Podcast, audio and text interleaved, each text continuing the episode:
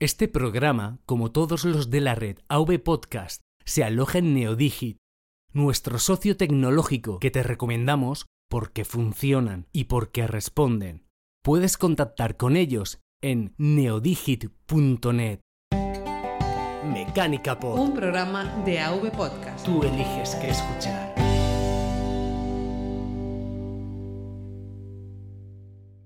Buenos días y bienvenido a Mecánica Pod, el podcast de motor de AV Podcast, en su episodio número 22 correspondiente al 2 de diciembre de 2018.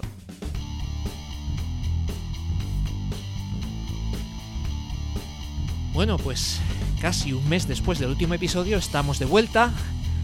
Eh, mea culpa, porque es eh, mi culpa entera que nos hayamos retrasado y que dijimos que íbamos a intentar estar cada 15 días, pero bueno, diferentes eh, obligaciones, sobre todo con el, con el trabajo, nos han impedido cuadrar agendas.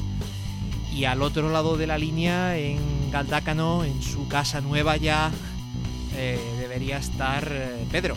Estoy, estoy. Buenos días o, o buenas tardes, o lo que tú quieras. Bueno, para nosotros buenas tardes, esto es una tarde de domingo. eh, para vosotros, pues lo que sea cuando nos oigáis. Bueno, aquí estamos, al pie del micrófono, para, para lo que usted necesite. Bueno, también nos hemos retrasado un poco más porque este programa iba a ser el especial de gas que tanto tiempo nos lleváis demandando. No me, di- no me digas que, pasa- que no va a ser.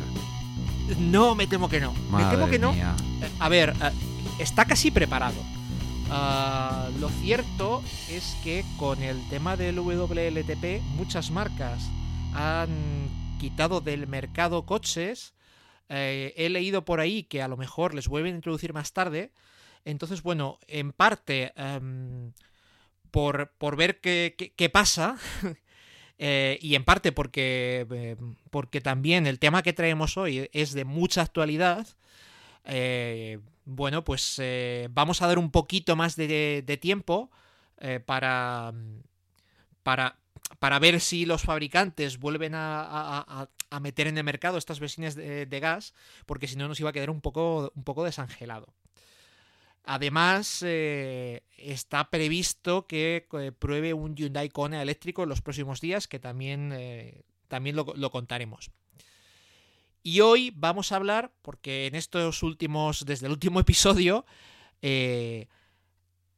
y también un poco a colación de- del último episodio, de- del diésel y de, to- de todo ese panorama de restricciones que comentábamos, pues eh, el gobierno movió, movió ficha ah, y se han juntado, por un lado, el gobierno moviendo ficha y anunciando una serie de propuestas de ley que ya veremos en qué quedan, eh, restringiendo la venta de vehículos con motor de combustión a partir de 2040 y la entrada en vigor de Madrid Central. Entonces, bueno, pues eh, un poco también para estar con la, actualidad y para darle tiempo a, que los fabricantes eh, decidan poner a la venta o no los coches eh, más coches a gas, eh, pues le dije a Pedro, hay dos guiones, ¿qué te parece si cogemos el, el de las restricciones, que va a ser este, este capítulo, el capítulo de las restricciones? Así que, si te parece bien, Pedro, entramos en, entramos en materia. Pongámonos restrictivos. Bien, eh, hace, yo creo que ha sido como hace cosa de 15 días, 3 semanas, que se empezó a hablar ah, de un proyecto, un proyecto de ley eh, que, bueno, hay que tomarlo como lo que es. Es un gobierno que está cogido con pinzas, que ya veremos a ver lo que dura.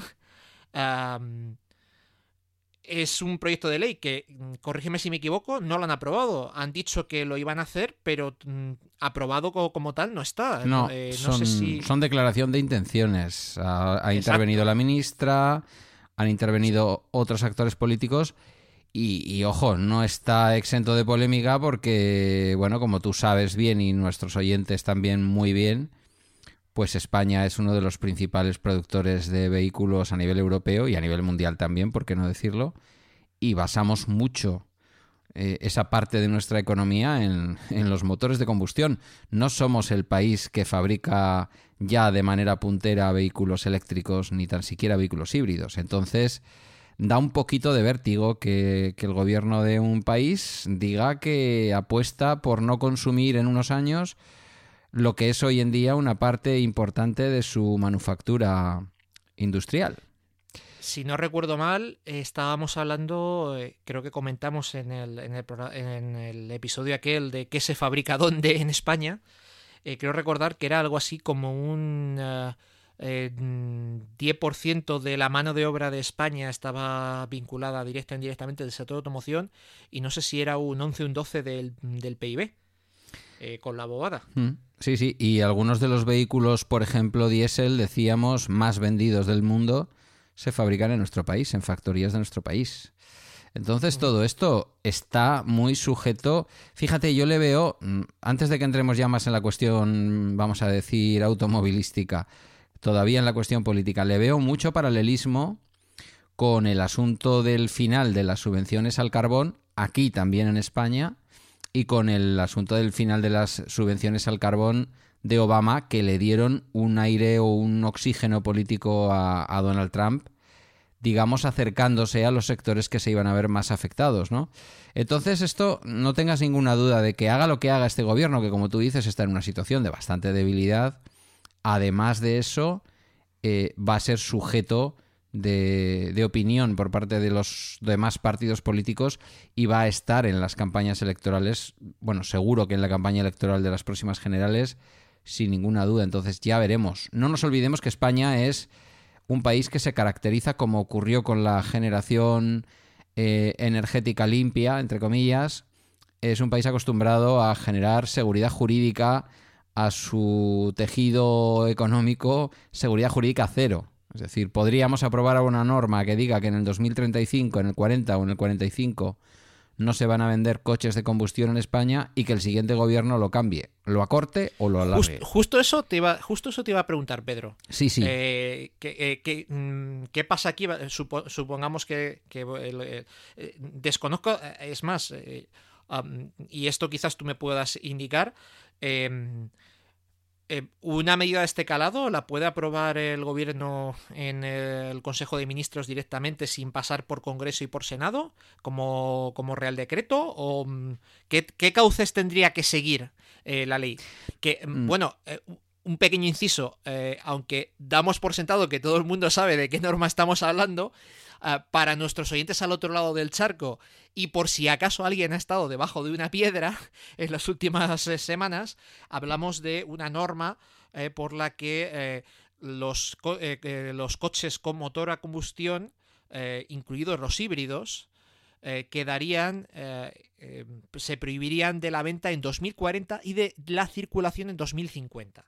Entonces, eh, ya digo, aunque casi, yo creo que todo el mundo sabía a qué, a qué norma nos estaba refiriendo, pero por si acaso, eh, o para nuestros oyentes al otro lado de, del charco, eh, y ahora, eh, por favor, mmm, también para nuestros oyentes al, al, lado del charco, o para los más legos en la materia como yo mismo, eh, ¿Puedes explicarnos un poco cómo, cómo, funciona esto de crear leyes y ponerlas en práctica? Muy rápido para no, para no aburrir. ¿Se puede hacer por decreto, por decreto ley? Sí, claro, todo se puede hacer por, por decreto ley, ¿no? Eh, por lo general hay que decir que los decretos son desarrollos de las leyes, es decir, que los decretos no eh, los decretos, eh, así sin apellido.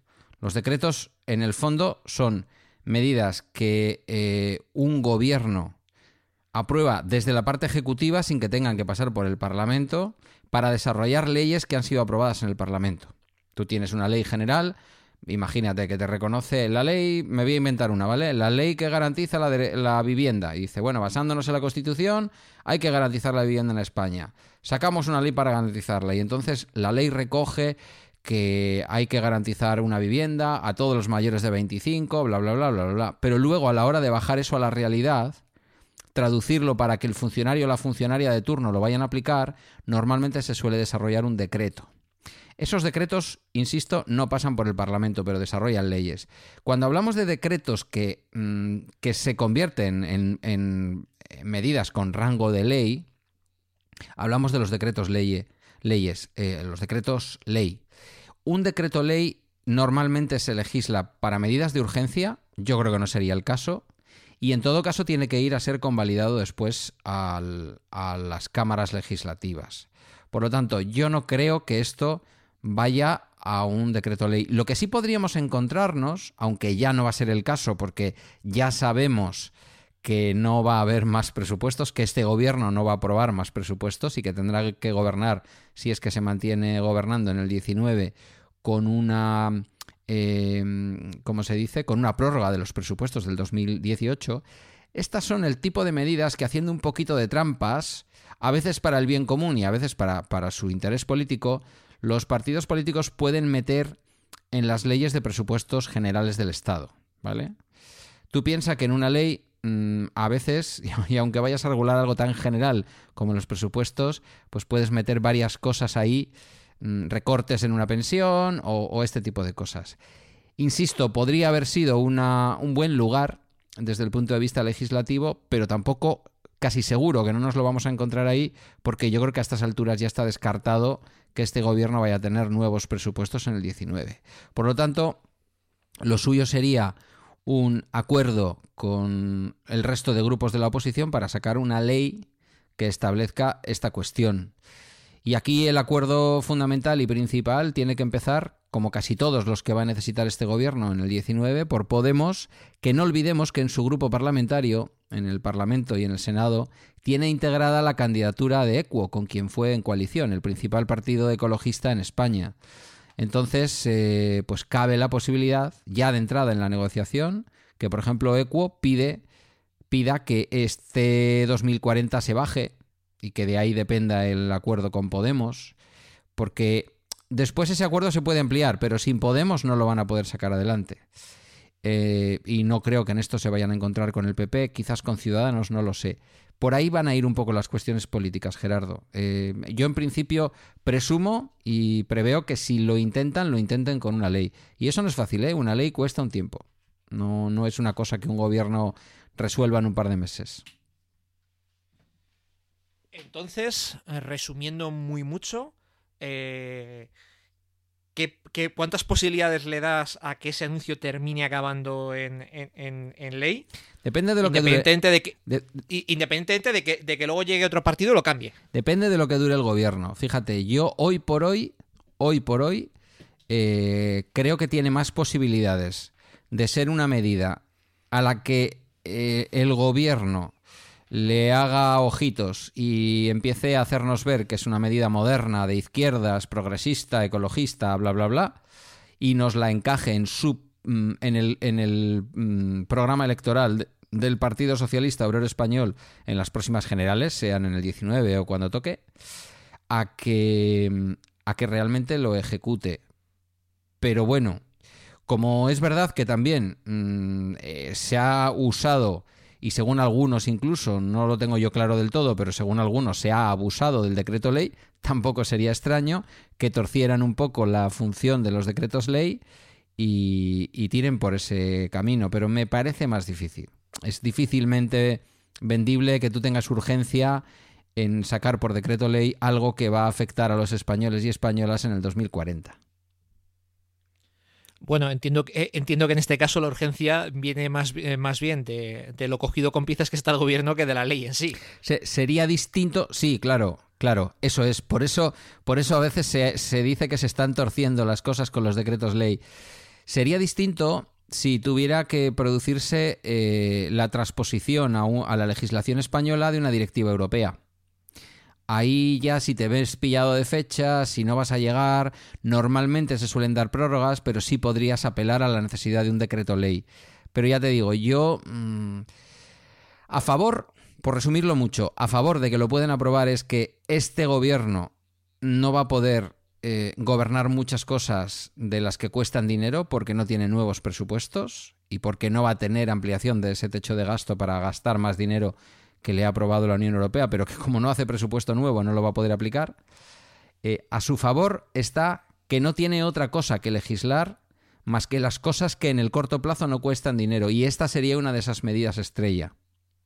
Para hacer un guiño también a determinados votantes que, bueno, se pueden mover en el entorno del voto verde, ¿no?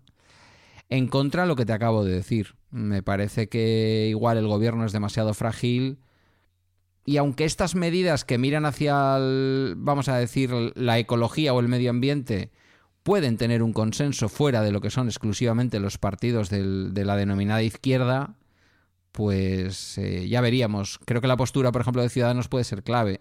si Ciudadanos se mostrara favorable, pues seguramente que, el gobierno se animaría más. No lo sé. Son especulaciones políticas. Yo no tengo claro.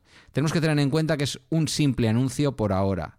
Pero también tengo en cuenta, eh, o, de, o, debemos tener en cuenta una cosa, y es por aquí van a ir los tiros en, en, en, el, en el espacio más breve de tiempo, es decir, con este gobierno o con el siguiente. Aunque si el, siguiente, es que, claro, si el siguiente es de otro signo político como el gobierno anterior, cabe la posibilidad de que a esto se le dé menos urgencia, evidentemente. Por ponerlo en contexto, eh, he recopilado un poco cómo están eh, en otros sitios, lo que he anunciado. Desconozco si son declaraciones de intenciones como la de nuestro gobierno o son ya leyes. Eh, Noruega habla de 2025 para, para el, baneo de venta de vehículos a combustión. Eh, Dinamarca, Países Bajos, Irlanda, India e Israel 2030. Escocia 2032, Francia, Reino Unido y Taiwán 2040, incluso Austria eh, habla de a partir de 2020, pero con una diferencia. Y es que, eh, por lo que he encontrado, solo Países Bajos y España incluyen en ese baneo a los híbridos. Parece ser que el resto de normativas, eh, que inc incluso de las que entran, de las que entran antes, no banearían a los híbridos. Por eso también estamos viendo ahora cómo todos los fabricantes meten en las gamas estos híbridos suaves que, que con los que tanta chanza hemos hecho en, el pasado. Para poder tener pues, el equivalente de la, de la etiqueta eco. Eh, estos híbridos suaves que si recordáis pues se apoyan en generalmente un motor de arranque alternador a más tensión. Eh, están, eh, hay una unidad de voz muy popular entre los fabricantes de 48 voltios mm, que ni siquiera tienen capacidad para rodar exclusivamente en eléctricos, que simplemente es un pequeño apoyo, apenas bajan el consumo un 1%, pero ya les da derecho a etiqueta eco mm, y ya les califica como, como híbridos.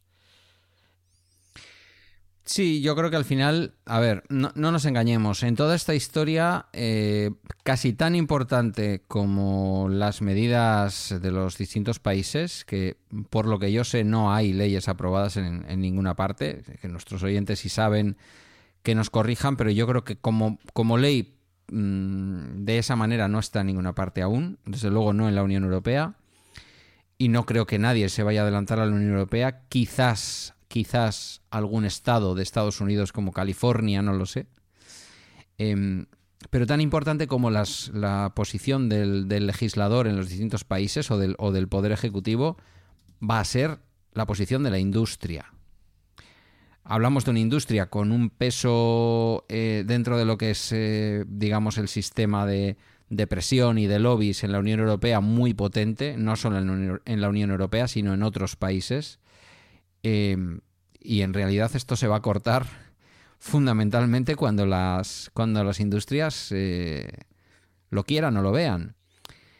No, no sé cómo lo ves tú desde el punto de vista de un usuario y conocedor avanzado del mundo del motor. Es decir, mmm, si algo así estuviera a punto de ocurrir en el mundo de los, por ejemplo, de los móviles, de la telefonía móvil, imagínate, que de pronto se prohíbe que los móviles tengan pantalla, por decir algo, ¿no? Y tenemos que relacionarlos, relacionarnos con ellos a través de la voz.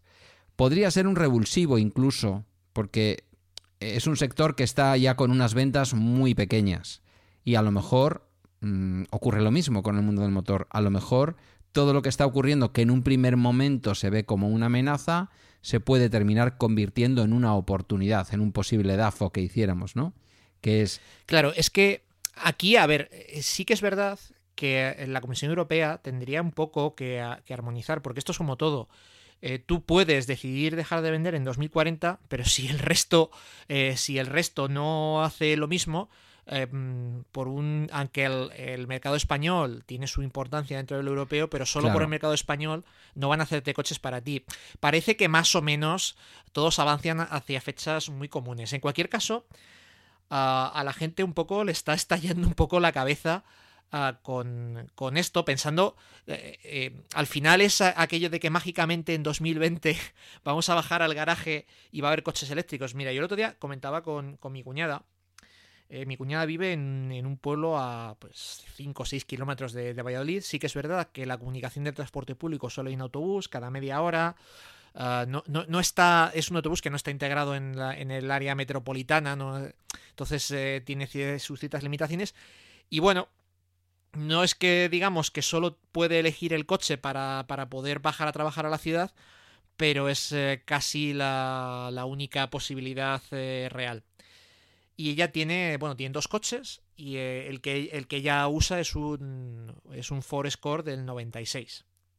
Y me dice, claro, es que si me quitan el, si me quitan el forito, pues claro, algo tendrá que hacer el gobierno, porque claro, yo tengo que bajar a trabajar, no me pueden quitar el, el forito así como así. Y yo le dije, digo, oye, ¿te estás dando cuenta que estamos hablando que la prohibición de, de, de uso faltan 32 puñeteros años? Que para dentro de 32 años, lo primero es que tú a lo mejor casi estás jubilada. Lo segundo, que dónde estará tu forito dentro de 32 años. Claro. yo creo que eh, precisamente, a ver, hay estudios que dicen que, que para poder salvar nuestro medio ambiente, la prohibición debería ser casi eh, ya. Estamos ya Por fuera de plazo. Si tú miras, Sí, sí, sí, si tú miras el panel internacional del cambio climático, estamos fuera de plazo. Eh, es decir, que, bueno, hoy, hoy salía en los medios de comunicación, ¿no? Después de la cumbre del G20, mm, ya se ha visto, nos- se van a reunir los políticos a nivel internacional en, en Polonia para una nueva cumbre del clima. La cumbre del clima de París no se, ha no se ha cumplido en ningún aspecto, desde luego para nada en las restricciones del carbón, y con esto va a ocurrir lo mismo, y el planeta realmente está, si lo, si lo vemos no desde el punto de vista de Mecánica Pod, sino desde el punto de vista de la posada del dragón verde que en paz descanse, estamos fuera de fechas. Pero no solamente estamos fuera de fechas, sino que hay algo que no se está diciendo en toda esta historia y que los políticos no van a poner encima de la mesa y desde luego la industria del automóvil tampoco. Y es que de la misma manera que ya hemos alcanzado el pico del petróleo, de la misma manera en que ya nunca, jamás se va a volver a producir tanto petróleo como se producía hace 20 años, con las reservas que había 20 años, hace 20 años, porque es verdad que los Estados Unidos con su propia producción, colocándose a la cabeza del mundo en producción petrolífera, ¿eh? que, no hablamos de Irak ni de Arabia Saudí, ahora mismo el principal productor de crudo es Estados Unidos, da una imagen de que el petróleo es mm, ilimitado. El petróleo no es ilimitado por una parte, punto número uno, es decir, llegaría un momento en que ya no es posible seguir extrayendo petróleo a los precios y con la eficiencia económica que se ha venido explotando hasta ahora, es decir, tendríamos que ir a la extracción por, por fractura hidráulica y todas estas historias, y por otra parte es que el planeta ya no lo soporta. Ahora, siendo justos, el planeta no lo soporta ni el tráfico co- de vehículos de combustión, ni las centrales térmicas, que según Greenpeace España son muchas más de las que necesitamos para nuestro consumo eléctrico, ni algunas otras cosas. Tampoco pensemos que se arregla el medio ambiente paralizando el uso de los eh, vehículos de, de combustión. Hay muchas otras cosas. Y luego la segunda parte, y acabo. Hay otros picos de otras materias primas. Está el pico del litio, está el pico de, de más materiales que son necesarios para el coche eléctrico. Por lo tanto, el coche eléctrico, no tengas ninguna duda, Gerardo, solo será una transición hacia una nueva forma de entender la movilidad o la vida. Porque no es sostenible el coche de combustión, pero en el medio largo plazo tampoco es sostenible el coche eléctrico. Tiene sus propios picos de, y, tiene su propia sobrecarga de materias primas. Por ejemplo, y empezando por, por el principio, el litio. Si bien es verdad que es más versátil, el litio se puede acabar o podemos llegar a un punto de consumo de litio que, que ponga el litio en crisis y pasar a otro modelo, digamos, de baterías. Algo que no puede ocurrir con el, con el petróleo, ¿no? Que es el petróleo que conocemos o el petróleo que conocemos. Entonces, el asunto es complejo desde el punto de vista del medio ambiente. Y sí, tienes Es razón, que- debería de estar parado ya, porque el planeta ya está superado. O sea, ya, ya no hay freno posible. Esto hay que decirlo también. Vale, eh, cierto es que, claro, si tú pones un horizonte, eh, lo cierto es que si, si, eh, si nosotros metiéramos esta medida ya, eh, prohibimos la venta ya y dentro de 10 años la circulación. Claro, no, lo que decimos siempre, faltan infraestructuras, falta incluso vehículos suficientes en, en- Claro, en el mercado, fal- claro. falta litio, pero mira, al menos, desde luego, esta, esta ley, eh, o si es que sale adelante esta restricción para 2040, es mejor que no hacer nada, desde luego. Establece un horizonte que hace que, que se vayan dando, dando, dando los pasos. Y luego es lo que decimos, es que eh, quedan 22 años para el fin de, de, la venta, que muchas cosas pueden cambiar de aquí a, a entonces. Eh, habrá que ver si dentro de, 20, de, 22 años seguimos comprando coches o nos hemos pasado a otro tipo de modelos de transporte. Eh, por ejemplo, eh, yo creo que no, no hay que volverse muy locos. Y es más, estas yo lo veo positivamente desde el punto de vista de que es muy posible que el poner un horizonte sea lo que haga que, las infraestructuras que necesitan los eléctricos y los avances que necesitan los eléctricos en, en determinados aspectos se muevan, porque eh, hay una necesidad, digamos, hay, hay una fecha, una fecha límite. Es que, tal y como tenemos ahora mismo las infraestructuras, y sobre todo, y lo hemos hablado tú y yo más veces aquí, tal y como es el mix energético, el mix de generación energética a nivel mundial, si hoy cambiáramos todos los coches de combustión por todos los coches eléctricos, aun suponiendo que la generación, el, tipo de generación y en los lugares donde poder repostar eléctricamente los coches ya existieran, el principal problema nos seguiría viniendo de las emisiones de, de, de carbón o de, o de gases, digamos, de la combustión del carbón a la atmósfera en lugares como China. Quiero decir, es que el 34% de las emisiones, ya no digo de coches, ¿eh? sino en general, eh, a nivel mundial, son emisiones chinas, seguidas después en Estados Unidos, no sé si por un 20 y pico por ciento o por ahí. Entonces, mmm, son modelos de generación energética que hoy casi casi no resuelven el problema de los motores de combustión, porque estaríamos llenando esos coches en China de energía eléctrica producida con la quema de carbón. Para el caso, bueno, pues lo te, mismo. Te, te, tengo que, te tengo que corregir. Corrígeme. Porque sí, bueno, a, a ver, cierto es. Eh, el mix energético eh, español de media, eh, creo recordar que hablábamos sobre el 33% de media de renovables. China hace unos años estaba en el 17% de media. Pero están avanzando a un paso agigantado y eh, creo que este año van a cerrar con una media de casi el 30. Sí, sí. Y están. Y, y, evidentemente. Um... Pero mira, mira, mira el otro 70. El otro 70 del mix energético chino no da servicio a 30 millones de personas. Es que esto es importante. Ya, ya, ya, sí, sí, sí. Sí, sí, sí, sí. Pero bueno, te quiero decir.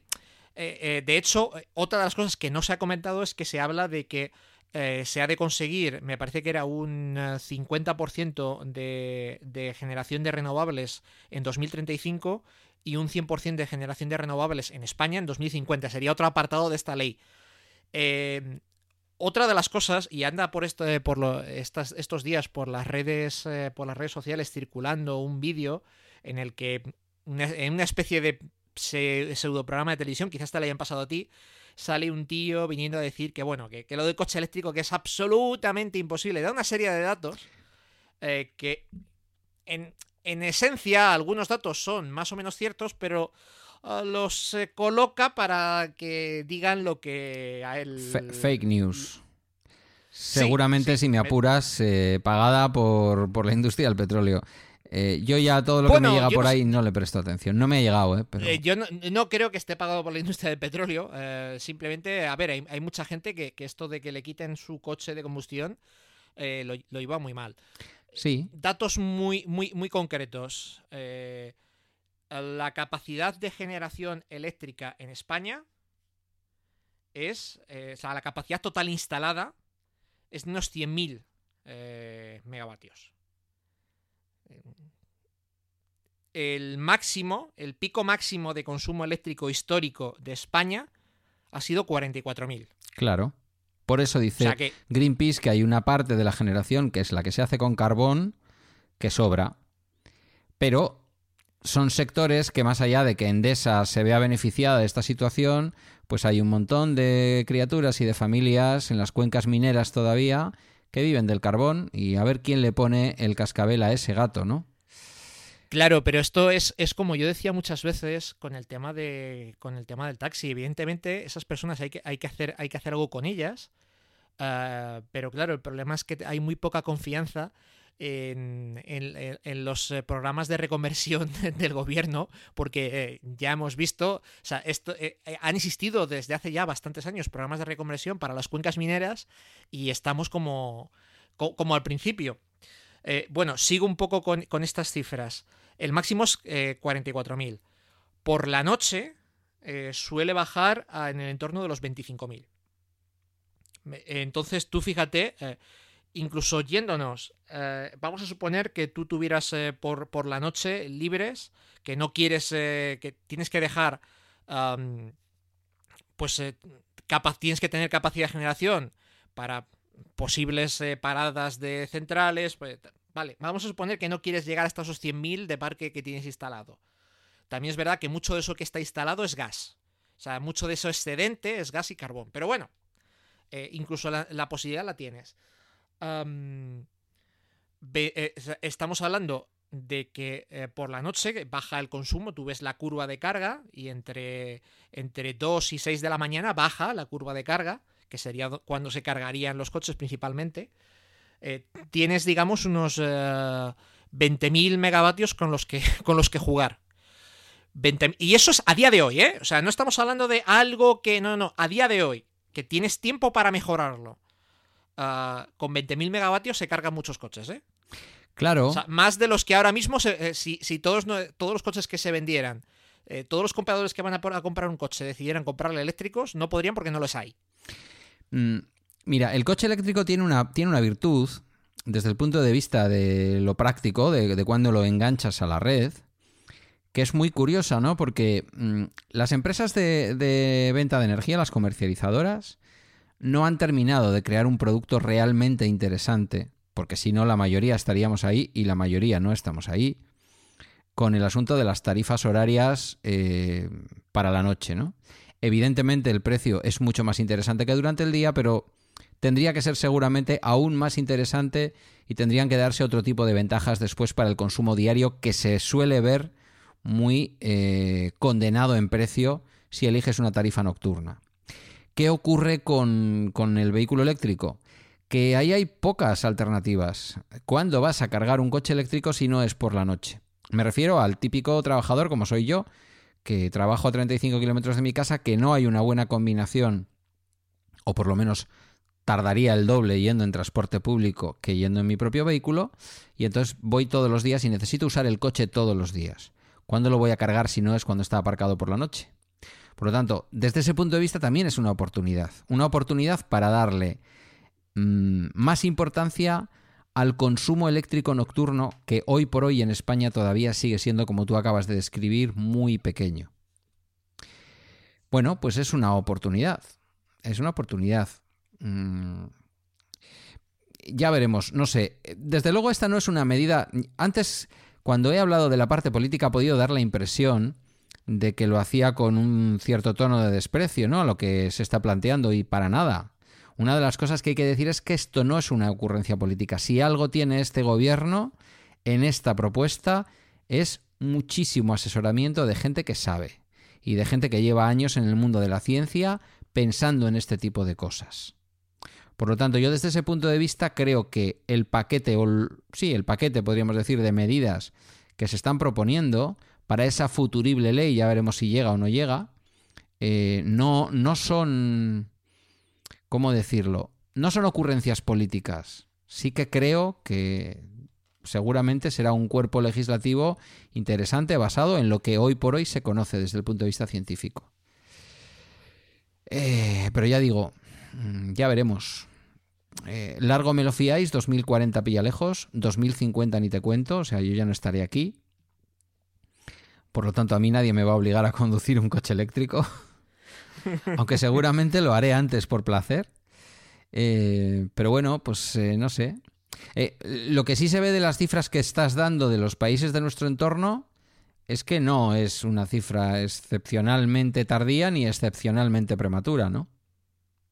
No, como mínimo podríamos decir que va en la línea Ah, incluso, bueno, ten en cuenta que, pues eso, que es de los pocos que banea también a los, a los híbridos en la, venta. Eh, porque cierto es que ahora mismo eh, tú podrías, si no baneas a los híbridos, tú casi podrías poner esta medida el año que viene. Y, no pasaría nada. Porque todos eh, los fabricantes a la hora de renovar, renovar los modelos están anunciando que... Y toda la gama va a ser híbrida. Pero un híbrido, mm, la mayoría, pues eh, de esos híbridos suaves, que en realidad pues no, aportan nada, hmm. me temo.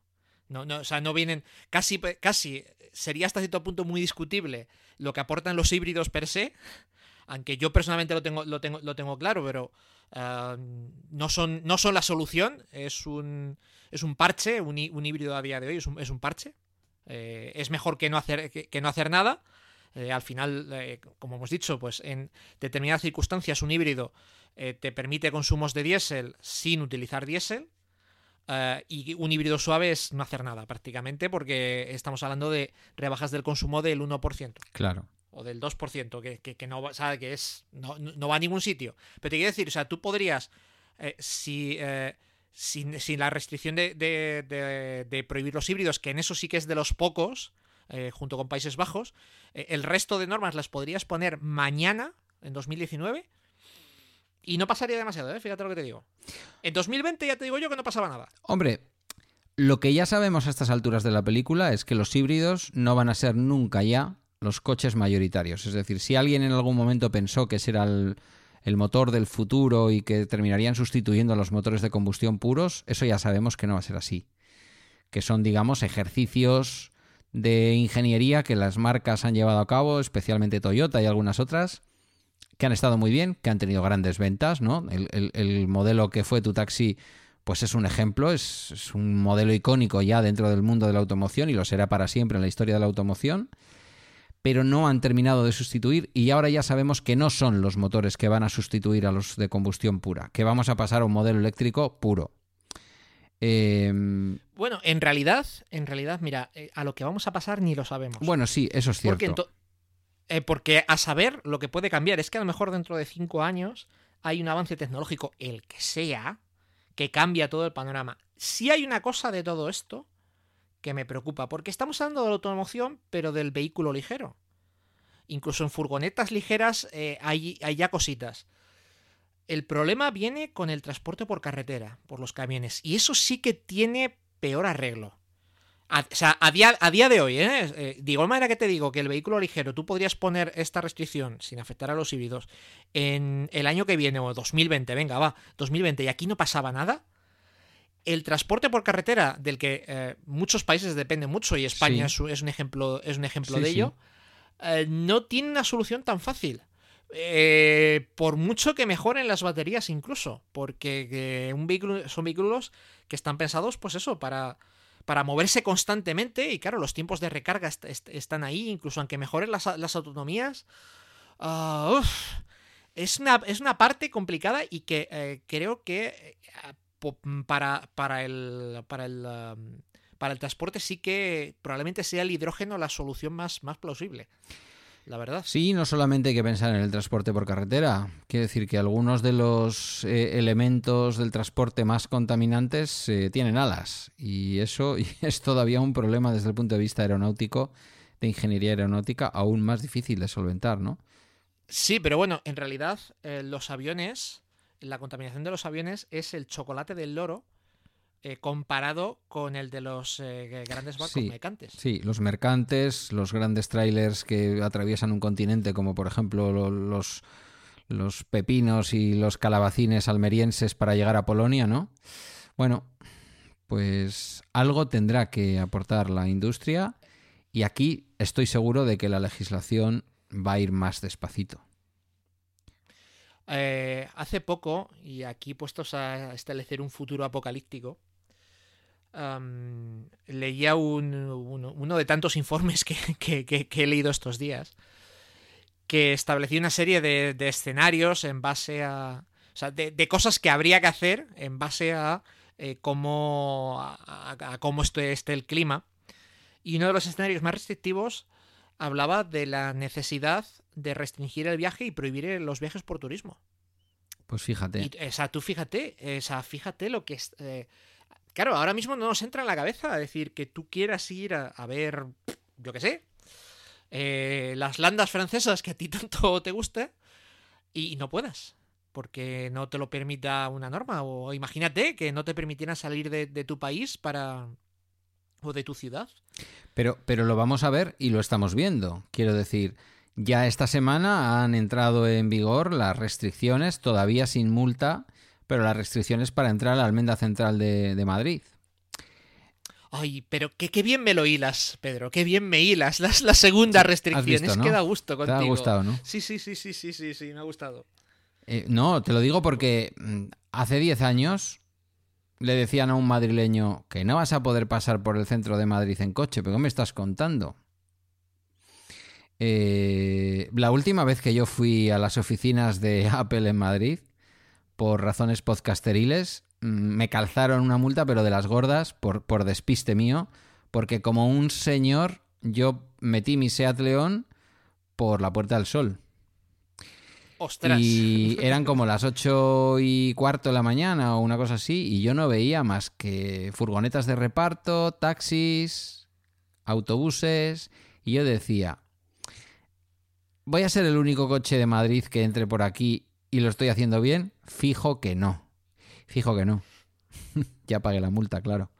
Evidentemente. Aquello ya fue una restricción, ¿no? Ya se empezó ahí, digamos, de alguna manera, porque parece que es que de pronto esto es una novedad, y no, no. Ya había zonas Sí, de bueno, Madrid much- que muchas ciudades, la muchas ciudades Sí. del centro eh, tienen el tráfico eh, mu- muchas ciudades del centro, perdón, muchas ciudades en su centro, mismamente en Valladolid, Mm. tienen restringido el tráfico o lo han peatonalizado de, de alguna de alguna manera. Eh, esto no es eh, no, no es eh, no es tampoco una, una novedad precisamente. Sí, pero, pero es verdad que lo que hemos visto esta semana en los medios de comunicación, esas fotos con el centro de Madrid, con la Gran Vía apenas sin coches, eh, o apenas con coches, mejor dicho, mm, son llamativas. Claro, a partir de mayo van con multa, es decir, más le vale a la gente que se vaya acostumbrando. Tienen que buscar una alternativa. Y ahí, si no me equivoco, sácame del error, Gerardo, da igual el tipo de vehículo que estés conduciendo. No se trata de una restricción exclusivamente para acabar con la contaminación eh, ambiental, sino también con la contaminación acústica y también con la contaminación visual de todos esos coches llenando calles de ciudades que no nos olvidemos, no me quiero poner antropológico, pero nacieron para que las personas las viviéramos y las camináramos. Y no nos engañemos.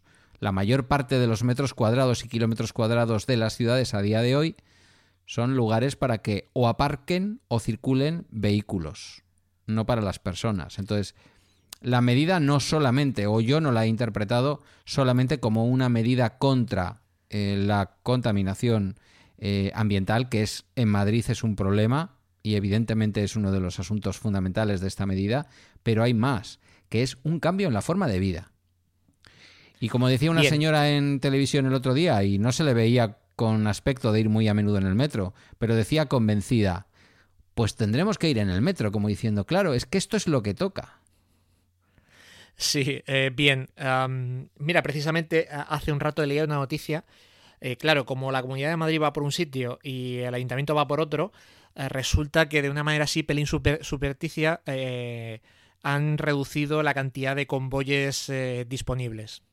Del metro. Es eh, sí. sí. Hombre, evidentemente, O por lo menos, por lo menos eso decía, eso decía la, la noticia. eh, ¿eh? en un Eh, país, alegando- en un país como el nuestro, donde la miseria política es norma, que un partido político de un signo, me da igual cuál, ¿eh? pero en este caso, pues quien gobierna la Comunidad de Madrid, que sobre todo los oyentes que nos escuchan desde España saben quiénes son, frente a quien gobierna y, y además de una forma muy simbólica desde hace tres años y medio eh, la ciudad de Madrid, pues es... Yo esto lo he vivido en política, ¿eh? Yo lo he vivido. Yo viví en política, fíjate, no, no me voy a contar, no voy a contarte una historia del abuelo, ¿eh? pero, pero para que veas cómo funciona la política. Yo viví en política. Tomar una medida que de un día para otro, porque era una ley, y se establecía un tiempo, pero era un tiempo muy corto, para que algo que se hacía en una institución, los ayuntamientos de Euskadi, se hiciera en otra institución, el Servicio Vasco de Empleo. Eh, en el mismo momento en que se tomó esa medida, el mismo día en que entraba en vigor esa medida, que muchos ciudadanos no conocían, en fin. Ayuntamientos como el de Vitoria, gobernados entonces por un señor que ahora está muy arriba, muy arriba en la política española, decidieron cerrar sus oficinas de servicios sociales municipales, con lo cual toda la gente que fue llegando de manera, con, toda su costumbre, ¿no? Allí a hacer sus gestiones, de pronto acudió en masa a otros sitios sin que nadie en, el primer lugar pues pudiera darles una pequeña orientación, vete de esta manera, pide cita por el otro lado, tal y cual. Entonces, me estás contando que el día en que el Ayuntamiento de Madrid pretende que no haya coches en el centro de Madrid, se restringen eh, el número de convoyes del metro, que depende de otra institución, de otro partido político. Pues eh, luego España, mm, como decía el otro, va como va. Porque no remamos en la misma dirección y lo haremos nunca. Eh, a ver, conste que esto, esto que he leído, desconozco qué grado de certeza. Bueno, igual es una fake. Es triste que tenga, Claro, o sea, ya es triste que tenga que decir esto. Mira, he leído una noticia rápida eh, no tenemos... y no sé cuánto me puedo fiar claro, no tenemos certeza ninguna. Pero, pero es plausible. El problema es que tampoco me extraña. Es, plausible, que es con lo que juegan las fake news. Cosas increíbles, pero plausibles. Entonces, bueno. Y, esto tiene que ver con lo que decías antes, ¿eh? ¿Qué ocurrirá de aquí al, al 2040? Pues que tendremos tres o cuatro leyes que dirán absolutamente lo contrario la una de la otra. Posiblemente. ¿Y qué coche nos compramos si no sabemos ¿Qué seguridad jurídica? Fíjate que ahora ya no hablamos de la seguridad jurídica de las empresas, hablamos de la seguridad jurídica de los ciudadanos. ¿Yo me puedo comprar hoy un coche de gasolina? Y pensar que en un escenario hay gente que le duran los coches 20 años. ¿En un escenario de 20 años ese coche me va a poder seguir dando servicio? No lo sé. De, de gasoil parece que no. De gasoil parece ya evidente que no. ¿Has visto la cantidad de anuncios de venta de coches para particulares en rentín. Y es llamativo, ¿eh? eh, eh yo creo que, claro. ¿Y cómo lo relacionas? ¿Cómo lo relacionas con todo esto? Muy sencillo. Eh, tú ahora mismo no está, hay un panorama muy incierto y dices, compres lo que me compres, seguramente no acierte. Si me voy a un renting, sé que le tengo X años y ya veremos dentro de X años. Hombre, lo que sí he visto, que ya lo he contado aquí, es cómo a mi amiga Inoa le vendían un BMW eh, Serie 1 de 150 caballos diésel y con acabado M, que eso puesto en la calle vale unos 32 a 34 mil euros con todas las prestaciones que llevaba el que compró ella, cómo se lo han vendido con, con 9.000 kilómetros coche de empresa por eh, 23.000. Eso sí lo he visto. Sí, sí, sí, sí. Bueno, vamos, vamos al. Vamos al turno. Venga vamos a explicar esto de la zona esta que está, eh, me temo que estabas equivocado, has dicho que no se podía entrar, no sé si ese es el, objetivo final. Sí se puede entrar, sí se puede entrar, pero vehículos autorizados y vecinos, si no tengo mal entendido. No, no, verás que eh, es bastante menos restrictiva de lo Venga, que parece. pues cuéntamelo. Es, eh, es una zona que está delimitada, bueno, voy a decir aquí nombres de calles, la mayoría de la gente probablemente no las, no las conozca, pero bueno. está delimitada por el norte por la calle de Alberto Aguilera, Glorieta de Bilbao, la Plaza Alonso Martínez, la Plaza de Colón, bajando por Recoletos, Ronda de Atocha de Valencia, Ronda de Toledo, Ronda de Segovia, eh, la calle Princesa y, bueno, y el, Palacio Real, me parece que se llama esto. más o menos es toda esa zona donde está la zona de ópera, embajadores. El Madrid eh, histórico y el Madrid del, ocio y de, ¿no? De, los cines, de los teatros. Sí, Sí, sí, podríamos decir que para, sí. Para los que sean de fuera, para los que sean de fuera, no sé si voy a hacer una simplificación. Los muy madrileños me dirán, no, no es exactamente eso, pero como si dijéramos cinco manzanas al norte del centro, si tomamos como centro el kilómetro cero, la Puerta del Sol, cuatro o cinco manzanas al sur y lo mismo varias manzanas al este y varias manzanas al oeste. Mucho tráfico el que pasa por ahí a diario, mucho.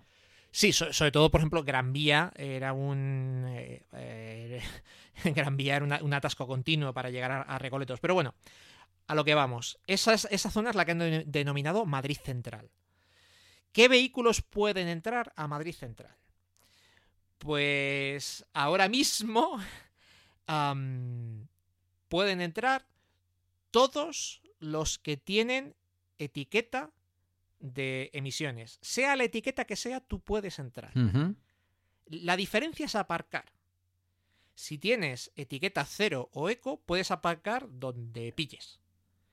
Si tienes etiqueta C o B, tienes que aparcar en uno, y no en todos los parkings, en algunos de los parkings de, em, eh, que han llegado a un acuerdo con el ayuntamiento para instalar lectores de matrícula, porque lo, que va a funcionar es tú cuando entras hay un lector de matrícula y si tienes etiqueta C o B eh, y mm, no y, y, no entras en, en, un, en un parking ah, no, sé exactamente, eh, no he leído cuánto tiempo tienes para llegar a un parking o, o, cómo lo, van a hacer, o si simplemente van a controlar los coches que estén aparcados, pero bueno, si tú entras y, eh, y, tienes que entrar a un parking de, los que eh, tengan el acuerdo con el ayuntamiento en el que han instalado cámaras para leer, leer la matrícula.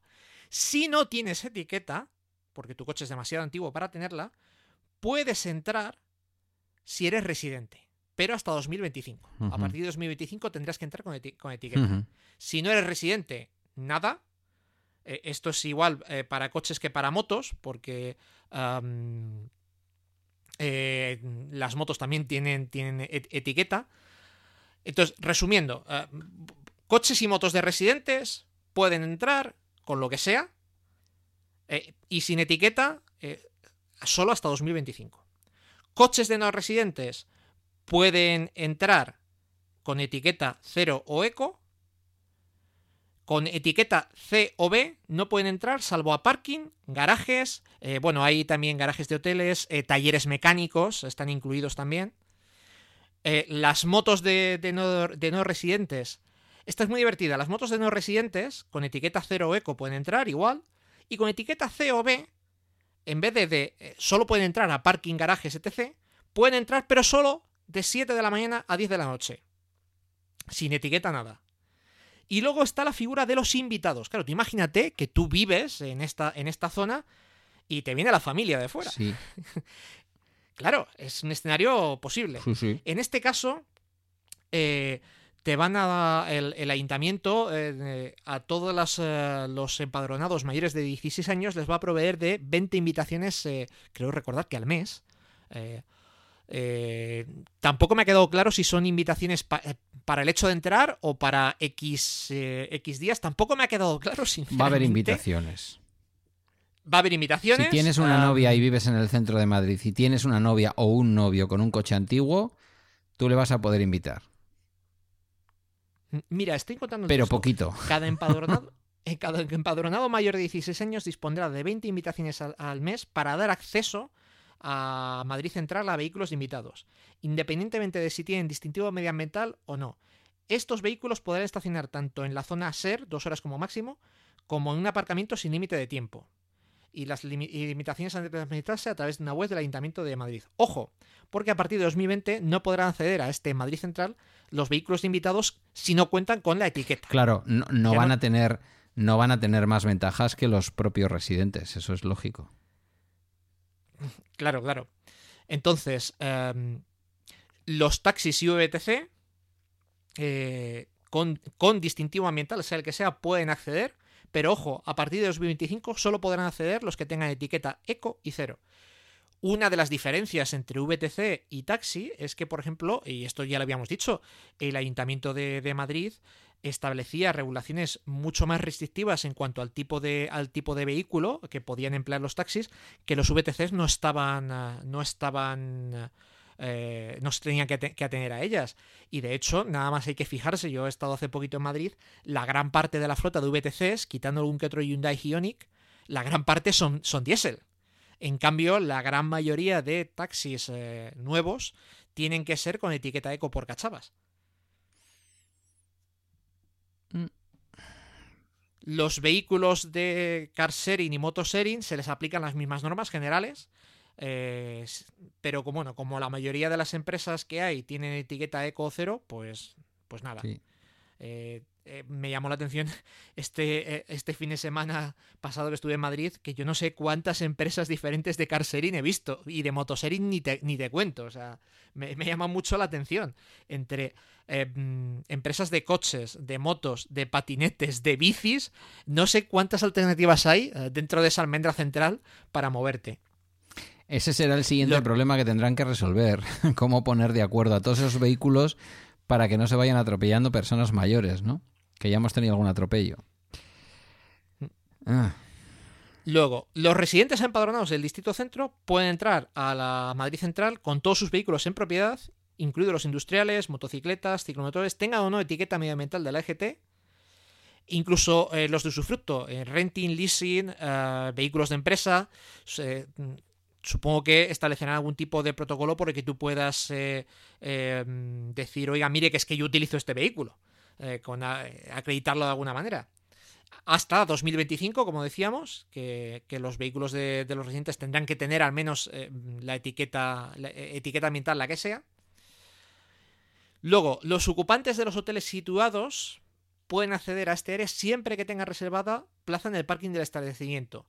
Y será el hotel el que tendrá que solicitar la autorización al ayuntamiento. Ahí lo que se ahí lo que se atisba es un montón de acuerdos de muchos hoteles, la mayoría ya los tienen, pero de muchos hoteles que no tienen aparcamiento en sus propias instalaciones, acuerdos con los parkings de, de alrededor. Luego, Por- más, porque más si no escenarios. perderás clientes, entiendo yo. Claro, claro, claro. Más escenarios. Las personas con movilidad reducida podrán acceder a, Ma- a Madrid Central con cualquier vehículo, da igual la etiqueta. Eh, si bien antes habrán, eh, ante, tienen que facilitar la matrícula, supongo, para que no les multen directamente al ayuntamiento. Seamos sinceros, eh, adaptar un vehículo a silla de ruedas, por ejemplo, ah, es un proceso complicado y costoso, lo que hace que esos vehículos se les alargue mucho en el tiempo. Estamos Hmm. hablando de que coger un monovolumen, como un, eh, un modelo muy común que se ha adaptado mucho, es el Peugeot 800 807. Coger un monovolumen y prepararle para que te entre una silla de rueda atrás es un proceso que cuesta entre 6 y 9, 10 mil euros. Pero ¿qué es, Lo cual hace que esos coches se estiren qué es mucho. lo que está a, a qué está amparando? ¿Al vehículo adaptado o a la persona que tiene la tarjeta azul de aparcamiento de persona con movilidad reducida?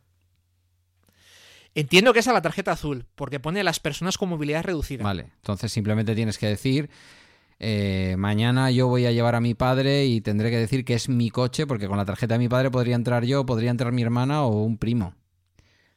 Bueno, es que eso depende del, del ayuntamiento. Ah, eh, muchos ayuntamientos eh, no te dan la tarjeta azul y la puedes usar en el coche que quieras, sino que tienes que vincularle una matrícula, ¿eh? Em, porque- también porque ha habido mucho cachondeito con las tarjetas azules de, de movilidad reducida. Entonces, ya, de hecho, que no sé si por normativa ya tienen que venir vinculadas a una matrícula concreta. Ya hace. Nosotros hemos hecho el proceso al revés, ¿eh? No sé si esto es por normativa general del Estado o es algo del País Vasco, pero mm, nosotros que esto lo regula la Diputación Foral, aunque los ciudadanos y ciudadanas le piden la tarjeta directamente al alcalde, lo que hacemos nosotros desde los servicios sociales es reenviar esa solicitud a la Diputación para que la Diputación nos diga si esa persona tiene o no el baremo de movilidad eh, como para tener tarjeta azul. Nos viene normalmente el informe devuelto del- de la parte técnica de la Diputación, nos dicen sí, le pueden dar a este señor la tarjetita azul y viene a nombre del caballero o la señora para usar en cualquier vehículo siempre que le esté dando servicio a él. Así es como nos llega. No, insisto, ¿eh? no sé eh, si esto es así eh, en todas partes o, o- o los ayuntamientos los pueden restringir. Desconozco con exactitud cómo, cómo funciona. Si a todo esto, si alguno de, de- de estos, de estas cosas que desconocemos, algún oyente puede aportar más luz, por favor, eh, al final del programa tenéis los, medios los medios de contacto para, para decirnos. Si puede aportar luz, pensé que ibas a decir, si puede aportar luz al final del túnel, que nos lo diga. Bien, eh, más casos. Cualquier titular de una plaza de garaje, porque tú, claro, puedes no ser residente del centro y tener comprado una plaza, plaza de garaje. Dice titular, con lo que entiendo que también será para cuando tienes alquilado una plaza de garaje, que entiendo que es un escenario muy común de gente que trabaja en el centro, vive fuera y tiene alquilado una plaza de garaje para poder ir en, ir en coche. Eh, cualquier titular eh, podrá acceder a la misma con un vehículo eh, independiente de la titularidad y etiqueta ambiental del mismo, pero a partir del 2020 se, tienes que tener al menos una etiqueta, la que sea. Digamos que sería el mismo escenario que para, que para los invitados. Oye, aquí ya lo hemos contado más veces, pero ¿me puedes volver a explicar? Porque yo llevo tiempo dejándolo, dejándolo. ¿Me puedes volver a explicar qué tengo yo que llevar a la oficina de correos para que me den la etiqueta medioambiental? La documentación del vehículo y el, y, y el, y el DNI. Y los cinco pavos que Y cuesta. 5 euros. Vale. Y 5 euros. Ojo, porque no todas las oficinas de correo te pueden hacer el, dis- el distintivo ambiental en el acto. ¿eh? No, pero, pero se Hay puede listado en la solicitar. página sí, de correos. Sí, eso, eso ya lo sí, miré. sí, sí, te- Eso ya lo miré. sí, pero vamos, eh, la- eh, yo lo he gestionado para, para, para la empresa y con la documentación del vehículo y de hecho ni siquiera hi- hizo falta el DNI como tal, sino el número del DNI eh, de, de la persona a la que estaba el titular del vehículo. O sea que Sí. es una cosa, a mí por lo menos en no, no me pusieron muchas pegas. Posible que esté conectado con la base de datos de la DGT o algo así, por interoperabilidad. Casi seguro. Eh, sí, seguramente. De hecho, me, eh, me, me preguntó, pues mira, a este vehículo le corresponde la etiqueta tal, ¿estás de acuerdo? Eh, porque sí que he leído de casos de gente que le han dado una etiqueta que no era la que le correspondía por el motivo que sea. ¿Qué, qué etiqueta me van a dar a mí para el. Seat León 1500 1600 diésel? ¿De qué año era? Del 2013. No, Pues la buena buena no, me van a dar la mala. Te van a dar la C, me parece. Sí, la última de la... La última de las últimas, ¿verdad? Eh, sí, Hmm. sí. eh, Sí, sí, sí, que ya creo que me lo dijiste en otra ocasión. Me, su- me suena que la, que la C. Sí, no, no, la última, la última. Eh, después ya, dos años después, me parece que cambió. Me podrían haber dado la B, pero, pero es lo que hay. Mm, bueno, recomiendas, evidentemente, que le pongamos ya, porque una cosa que voy a decir, se va a ir generalizando en algunas ciudades y no todas son tan mediáticas como Madrid. Y llega uno de pronto, por decir algo, a, pues no sé, hombre, si es Valencia o Sevilla, sin comentarios, saldrán los medios de comunicación. Pero llegas un día de pronto a La Coruña o llegas un día de pronto a Oviedo y te dicen, ah, no, es que estas calles están restringidas y no lleva usted etiqueta. Y en ese momento buscar una oficina de correos compatible, pues igual es un engorro, ¿no?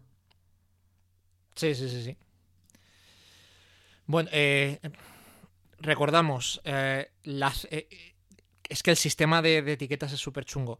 La C es mejor que la B. La C es verde, la B es amarilla.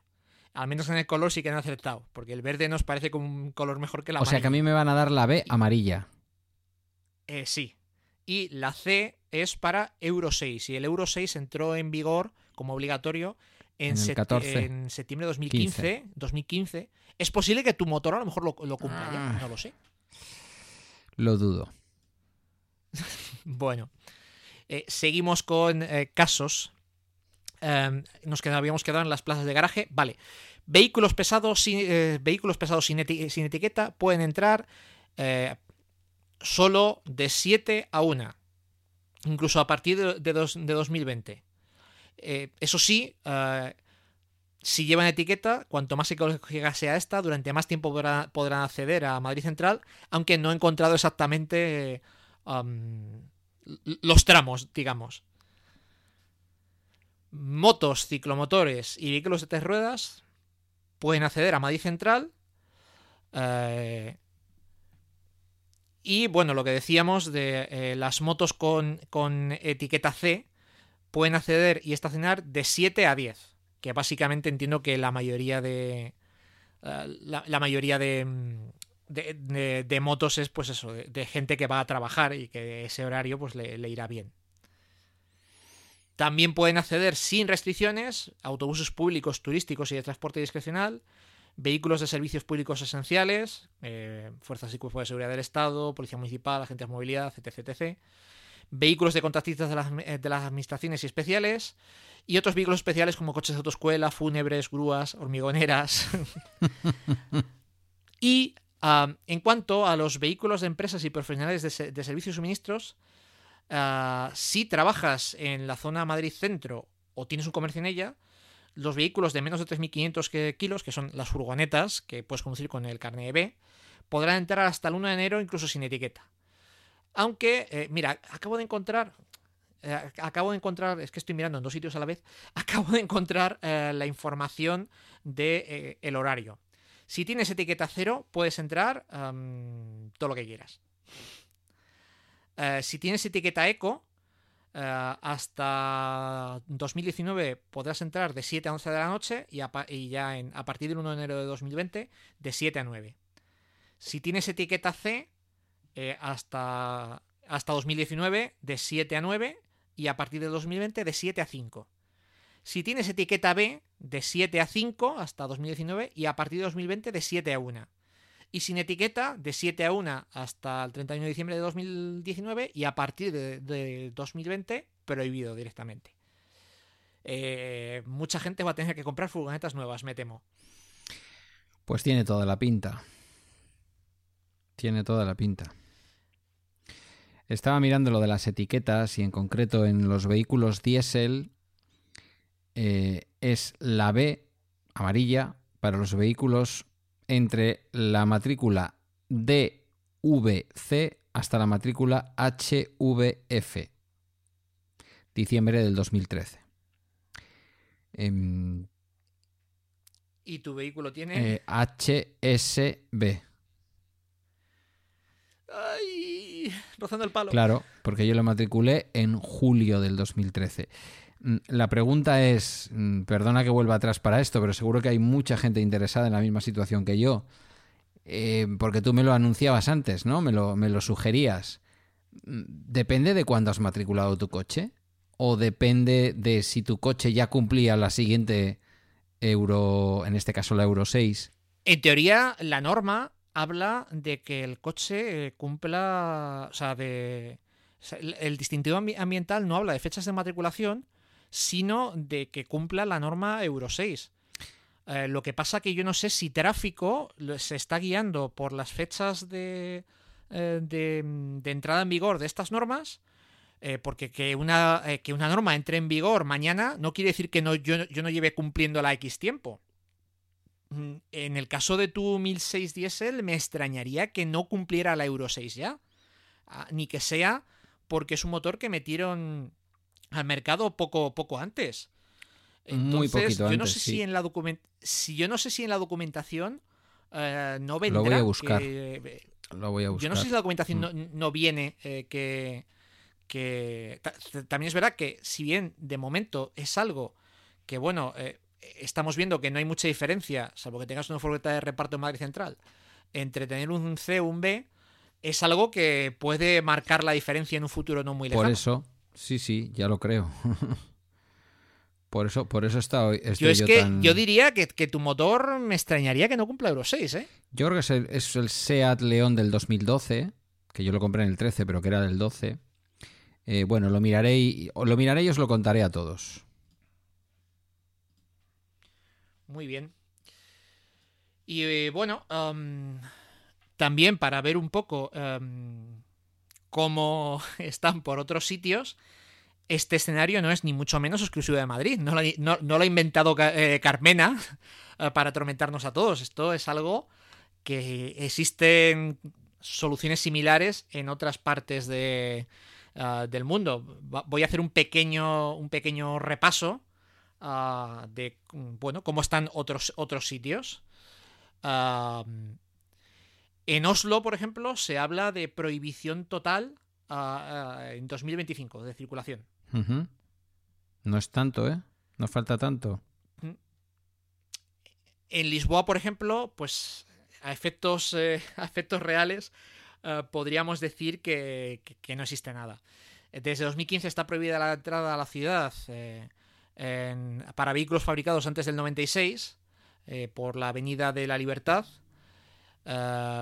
Sin embargo, por lo visto es una norma que, no se cumple, que en tres, años no han puesto ni una sola multa, así que mm, parece que bueno, que es la típica cosa que está ahí, pero que no. que no. Pues eso sí que es lo peor que se puede hacer cuando se aplica una cosa de estas. Ponerla y luego no hacer cumplir. Pues eh, Berlín, por ejemplo, está aplicando un máximo de velocidad de 30 km por hora en calles importantes de la ciudad desde 2008 también existe un área medioambiental de 88 kilómetros cuadrados de centro donde solo se puede circular con un coche que luzca el distintivo verde que reciben los vehículos cuyo estándar de emisión corresponda a Euro 4 o superior, que sería más o menos el, el C. Incluso a comienzos de, de, este año la ciudad aprobó un nuevo paquete de medidas para combatir la contaminación como un plan de incentivos para la compra de taxis híbridos, como curiosidad. Mm, curioso. París. Uh, en París, por ejemplo, se está estudiando también, pero han utilizado uh, las grandes peatonizaciones. Están. Uh, yo creo que aquí en España hay ejemplos también de ciudades con el centro muy peatonalizado. Me viene a la mente Oviedo, por ejemplo. Uh, había otra ciudad en Galicia que también era muy conocida Pontevedra. Por, por estar. Pontevedra. Mm, fantástico centro. Puedes pasear allí y encontrarte con la estatua de este escritor que nunca me acuerdo, pero que está allí paseando por, por su Pontevedra, creo que natal. Valle Inclán. Bien. Eh, uh, Roma tiene eh, zonas de tráfico limitado con diferentes horarios y condiciones. La más restrictiva es la del centro, que está cerrada hasta las 6 de lunes a viernes y solo pueden circular en esos espacios residentes, transporte público, motos, taxis bueno, eh, y coches eléctricos. Eh, obviamente. Y bueno, probablemente la más conocida sea la de Londres, que lo que establece es una tasa de congestión en una zona central de la ciudad desde hace ya 15 años, es una zona de 21 kilómetros cuadrados, y eh, solo pueden acceder vehículos de transporte público o cualquiera que pague, eh, me parece que son eh, unas 12 libras por día. Lo cual, pues hombre, mm, uno po podría pensar que a alguien con mucho dinero, pues esto le da un poco igual. Hombre, cuanto más dinero se tiene, menos problema te supone comprarte un coche que esté adaptado a lo que se necesita, ¿no?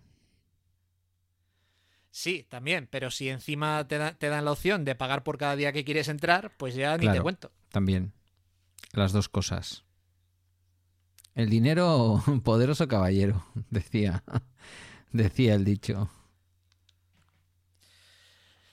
Y bueno, en cuanto a qué nos parece a nosotros esto, pues eh, me temo que, es necesario.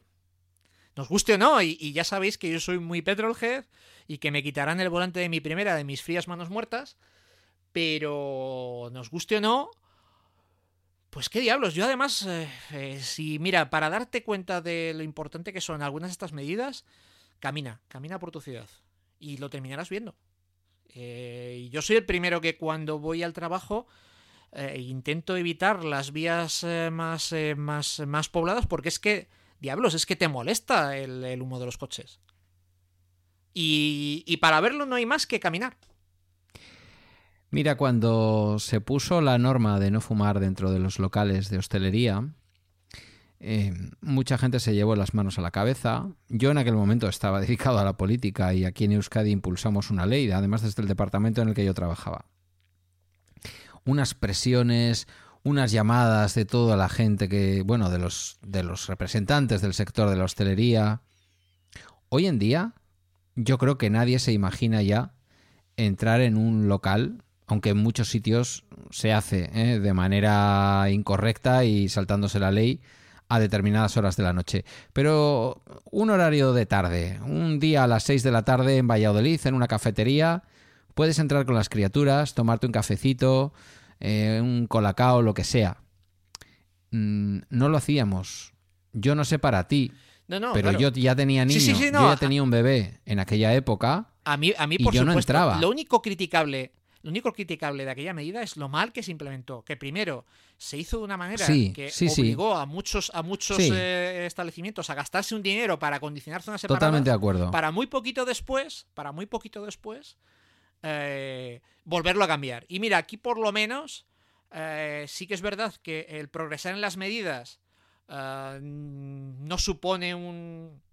O sea, quiero decir, en Madrid Central establece estas limitaciones. Si pasado mañana eh, establecen unas limitaciones más restrictivas, el sistema de cámaras ya está hecho. Nadie tiene que gastar más dinero, aparte del sufrido usuario que tenga que modernizar su coche.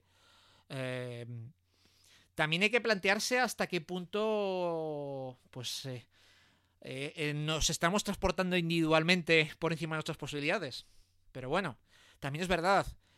Leches, si vives en el centro de Madrid con las posibilidades que tienes de transporte, pues... Bueno, ¿qué diablos? También es verdad, nosotros no vivimos allí y no sabemos lo que... Sí que es verdad, por ejemplo, hace unos días veía noticias de que, claro, eh, los barrios de la periferia, de la M30 de, de, de, Madrid, se están viendo saturados porque, claro, la gente va con su coche hasta allí y luego pues utiliza metro o el sistema que sea para poder acceder al centro, porque al final la gente pues tiene que ir a trabajar. Si es que la mayoría de los que entran al, centro de Madrid con su coche no es por gusto. Ojo, una cosa que se ha mencionado mucho en los medios de comunicación y no es un tema menor. La fluidez con la que ha funcionado el transporte público. Digo que no es un tema menor porque es romper un círculo vicioso. No cojo el transporte público porque el de superficie me refiero, ¿eh? porque el metro evidentemente en Madrid no se ve afectado por estas cosas. Pero coges un bus y una de las cosas que se ha estado explicando durante esta semana es que los autobuses estaban llegando mucho antes, a tiempo a las paradas y muy, muchísimo menos afectados por, las, por, por, el día a día del tráfico. Y es que llueve y no se tarda lo mismo un día de lluvia que un día de sol. Claro, cuanto menos tráfico hay, menos afectan este tipo de cosas. A poder coger un taxi y llegar pronto a un sitio, a poder coger un autobús y llegar pronto a un sitio. Y bueno, pues mira, yo creo que estos sectores están a... a favor de toda esta historia. Incluso a lanzarte a decir, me cojo una bici, porque me hay da menos, menos miedo meterme por la calle claro. con, eh, con, la bici porque hay menos coches. Claro, y recordemos que aunque se haya hecho mucha chufla con esta historia, este tipo de apuestas alternativas por parte del Ayuntamiento de Madrid están siendo heavies. La bici eléctrica, no sé si también el patinete, mm, en fin, bueno, pues es generar espacios que ya se está diciendo por parte de la DGT y creo que con buen tino no deben ser vehículos que circulen por las aceras, porque las aceras deberían de estar reservadas a los peatones. Pero claro, aquí el debate siempre ha sido con el mundo de la bicicleta, ya, pero échate con una bicicleta en el centro de Madrid a la calzada. Claro, claro, claro, claro. claro. ¿No? Entonces, eh, bueno. Pues... Pero mira, si lo de los patinetes es muy fácil, de igual manera que parece que no nos planteamos que puedas ir por una bici con una bicicleta uh, a 25-30 kilómetros por hora por una acera, o yo, de, de, de, la, desde luego, la mayoría de normativas no lo, no, no lo, no lo permiten, pues eh, con, los con los patines eh, a, a, debería ser igual. También es verdad, es una pena que por la imprudencia de algunos o muchos, eh, porque esto es como todo, tú puedes ir por una acera con una bici y un patín, moderando la velocidad y con precaución y no pasar nada. El problema es querer ir por la acera a toda pastilla. Claro. Pero bueno. Eh, nos ha quedado un poco esto de viejóvenes. No, ¿eh? pero ha estado bien porque eh, esto de en el fondo, todo en mal. el fondo son estas las son estas las cosas que están en la opinión pública, ¿eh? Quiero decir, todo esto qué me va a suponer a mí, qué hago. Yo tengo clara una cosa y seguramente que haremos varios programas en el que al final yo llegaré a la misma conclusión. Y mi conclusión es que ahora mismo, si tienes un coche viejuno, te esperas un añito, te esperas un añito y medio, dos añitos, aguantas porque se van a definir muchas cosas. Se va a abaratar el coche eléctrico y sabremos, de hecho, mm, pues muchas cosas que ahora mismo no sabemos todavía. Sí, no, incluso precisamente por eso eh, muchos fabricantes están ofertando servicios de renting que te permiten eh, tener una solución de movilidad durante 3-4 años sin claro, hipotecarte el futuro claro. a lo que haya dentro de 3 o 4 uh -huh. años. O sea, eh, estos, estos anuncios de renting para particulares, que el renting siempre ha existido, pero estaba muy enfocado en empresas. empresas. Sí. Todos estos anuncios de renting para particulares no son casualidad. Y de hecho, yo es algo que he recomendado muchas veces. Mira, necesito. Eh, tengo que cambiar de coche. Intenta aguantar. No puedo aguantar porque el coche está roto. O te vas a algo de segunda mano eh, que te permita aguantar dos o tres años hasta ver cómo, cómo pasa o búscate un renting. Es, es, es mi, mi, mi, uh, mi, mi, respuesta últimamente. Pues sí, esa es otra alternativa, si no puedes aguantar con el coche viejuno. Eh, por cierto, kilómetro77.com, ficha técnica del SEAT León 1.6. Bueno, en este caso me está dando la del ST, la del largo, pero entiendo que el motor es el mismo. Euro 5. Entiendo que es lo mismo, ¿no? Quiero decir que el Station Wagon va a Sí, ser sí, el mismo sí. motor. Es el De- Start Stop igual. Reference, tal cual. Bueno, es el, el- el- el 105 caballos Start Stop, que es el mío. Ese un, es un Euro 5. Bueno, decía Volkswagen que era un Euro 5. Yo, por si acaso, no lo he llevado a ningún sitio a que le bueno, hicieran aquella sabe Dios revisión. lo que será eso. sabe Dios lo que será eso. Bueno, pues yo creo que eh, nos ha quedado así cortito y al pie. Eh, yo creo que podemos ir cerrando. Em, y bueno, por meter un poco lo que solemos eh, hacer eh, en cuanto a mis batallas. eh, nada demasiado relevante. Sí que es verdad que de cara estoy, bueno, un poco em, preparando temporada del año que viene de Radio Control. Y fíjate, he decidido un poco mm, que casi seguro, bueno, a ver, decidido. En principio, de momento, no tengo ganas de correr campeonatos de España y de salir a correr fuera. Al final, eh, salir a correr fuera implica un coste. Hombre. eh, oye, pues entre. de- no, desde, no desdeñable. Con ese coste puedo correr aquí. Y lo cierto es que tengo la suerte de tener muy, eh, muy buenos circuitos en mi ciudad, campeonatos con un cierto nivel en mi ciudad, y es en plan. Mira, por lo que me cuesta salir a correr una prueba de Campeonato de España, tengo para correr como un señor una categoría aquí. Durante todo el año. Eh, Entonces, por muy cerca que te vayas, una salida fuera de casa, si incluye dormir, no son menos de 250 euros o 300 entre gasolinas Sí, y no, cosas. A mí, eh, generalmente, un campeonato de España entre inscripción, Ah, bueno, eh, claro. las ruedas, lo que rompas, hotel, compartiendo habitación con un amigo, eh, comidas, eh, ponte bien, gasolina, compartiendo coche con un amigo, es los 200, 250 se me va. Y, eh, y- y bueno, en este, en este aspecto de, de decir, bueno, pues voy a quedarme más aquí, me he hecho con los servicios de algún coche de otras categorías de las que se corren aquí, que a mí no me llaman demasiado, pero que bueno, me van a permitir competir en, en más, en más categorías. Eh, lo principal para mí sigue siendo el Fórmula 1 Radio Control, es la categoría que más me gusta. Eh, me he hecho con un Touring, que es una carrocería, de, es una categoría en la que el coche es tracción a las cuatro ruedas, suspensión independiente. Es, un coche que anda mucho más que el de que el de que el Fórmula 1. A mí personalmente me gusta menos, eh, pero bueno, mm, un amigo cambiaba de coche y me ha dejado el suyo bastante bien de precio. Y bueno, por aquí le tengo, que le, he desmontado entero y le, le- le he montado yo y le, le he rehecho un poco revisando todo. Y bueno, ya, ya iré contando más. Eh, también quiero aprovechar, eh, muchos oyentes me han dicho que recomiende más canales de YouTube que le- o, o más cosas que Te ver. recomienda. Ya estás tardando. Voy a recomendar el canal de Chris Fix. Es un chico, creo que de. No sé exactamente de qué parte de Estados Unidos. Eh, además, eh, mola porque eh, graba eh, con una cámara, yo creo que un arnés de pecho. Entonces le ves las manos, parece como el Doom, pero en mecánico. Um, y además, sí que es verdad que, claro, muchas de las cosas que. habla sobre todo de cosas muy de. pues cómo se cambia un tubo de escape. Y él lo hace, no lo hace en un taller, lo hace en la entrada del garaje de su casa, típico americano. Y todo muy desde el hágaselo usted, usted mismo. Ah, incluso había un episodio que me ha encantado en el que dice que un vecino pues le regala un Honda Civic eh, que, no, que no arrancaba. Que incluso se había gastado un dinero en el taller en piezas, en una nueva EQ electrónica y que el taller no había sido capaz. Y el tío dice, pues mira, eh, yo siempre que me veo una de estas hay que revisar cuatro cosas. Eh, si le entra aire, si tiene chispa, si tiene gasolina, no sé qué más. Y el tío va revisando una a una hasta que encuentra que era una chorrada y, y le hace andar. Pues oye, Y- Honda Civic de regalo, by the face. Sí, sí, sí. Entonces es un canal que, eh, bueno, está en inglés, pero que, que está muy bien porque es, es, eh, eh, entra mucho en, el, en este... eh, hágase usted, usted mismo. Me gustaría recordar otra vez, estoy enamorado de Project Binky, estos locos ingleses que le están metiendo todo el tren motriz de un Celica Turbo a un Mini. De hecho, em, la última que se han hecho los tíos, eh, al meter el motor, no les cabía el, alternador y el compresor del aire acondicionado, no les cabía donde va en su posición original. Y los tíos han hecho un eje flexible para pasarlo a detrás del motor encima de la caja de cambios.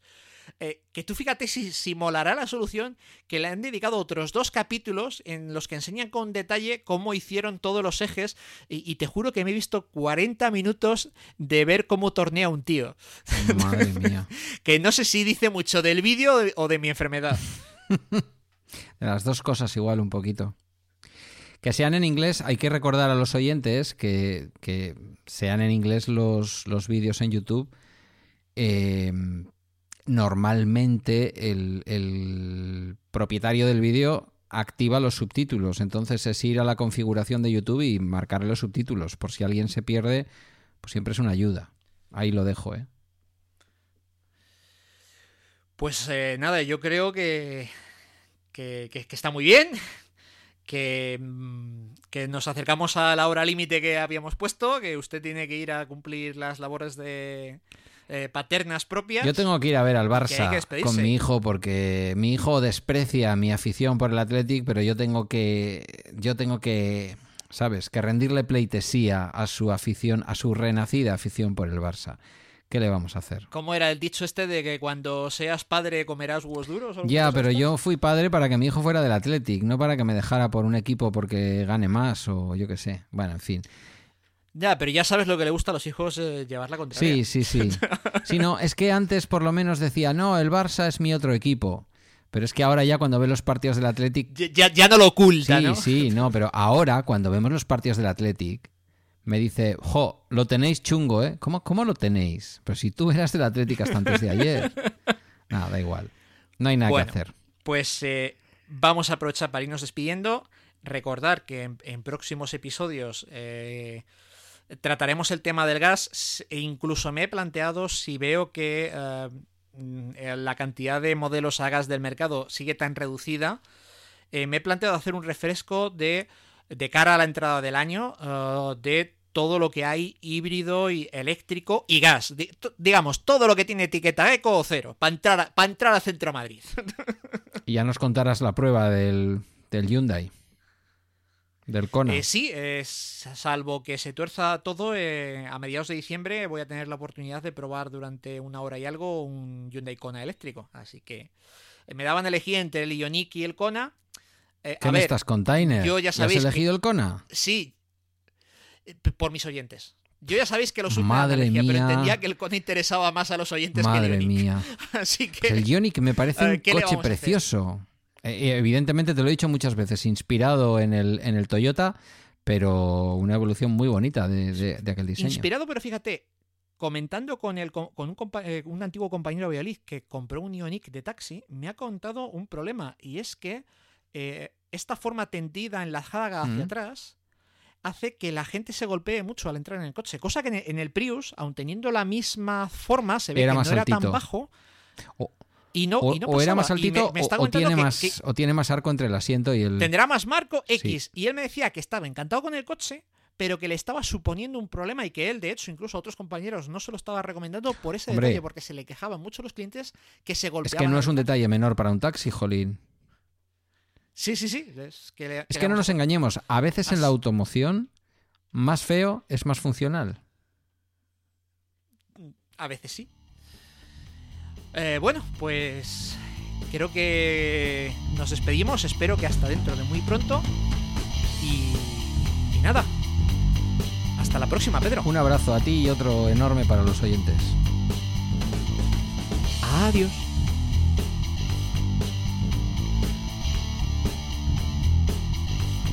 Puedes comentar este episodio en avpodcast.net barra mecánicapod, así como en iVoox. También puedes contactarnos en mecanicapod.gmail.com o a través de Twitter, arroba mecanicapod.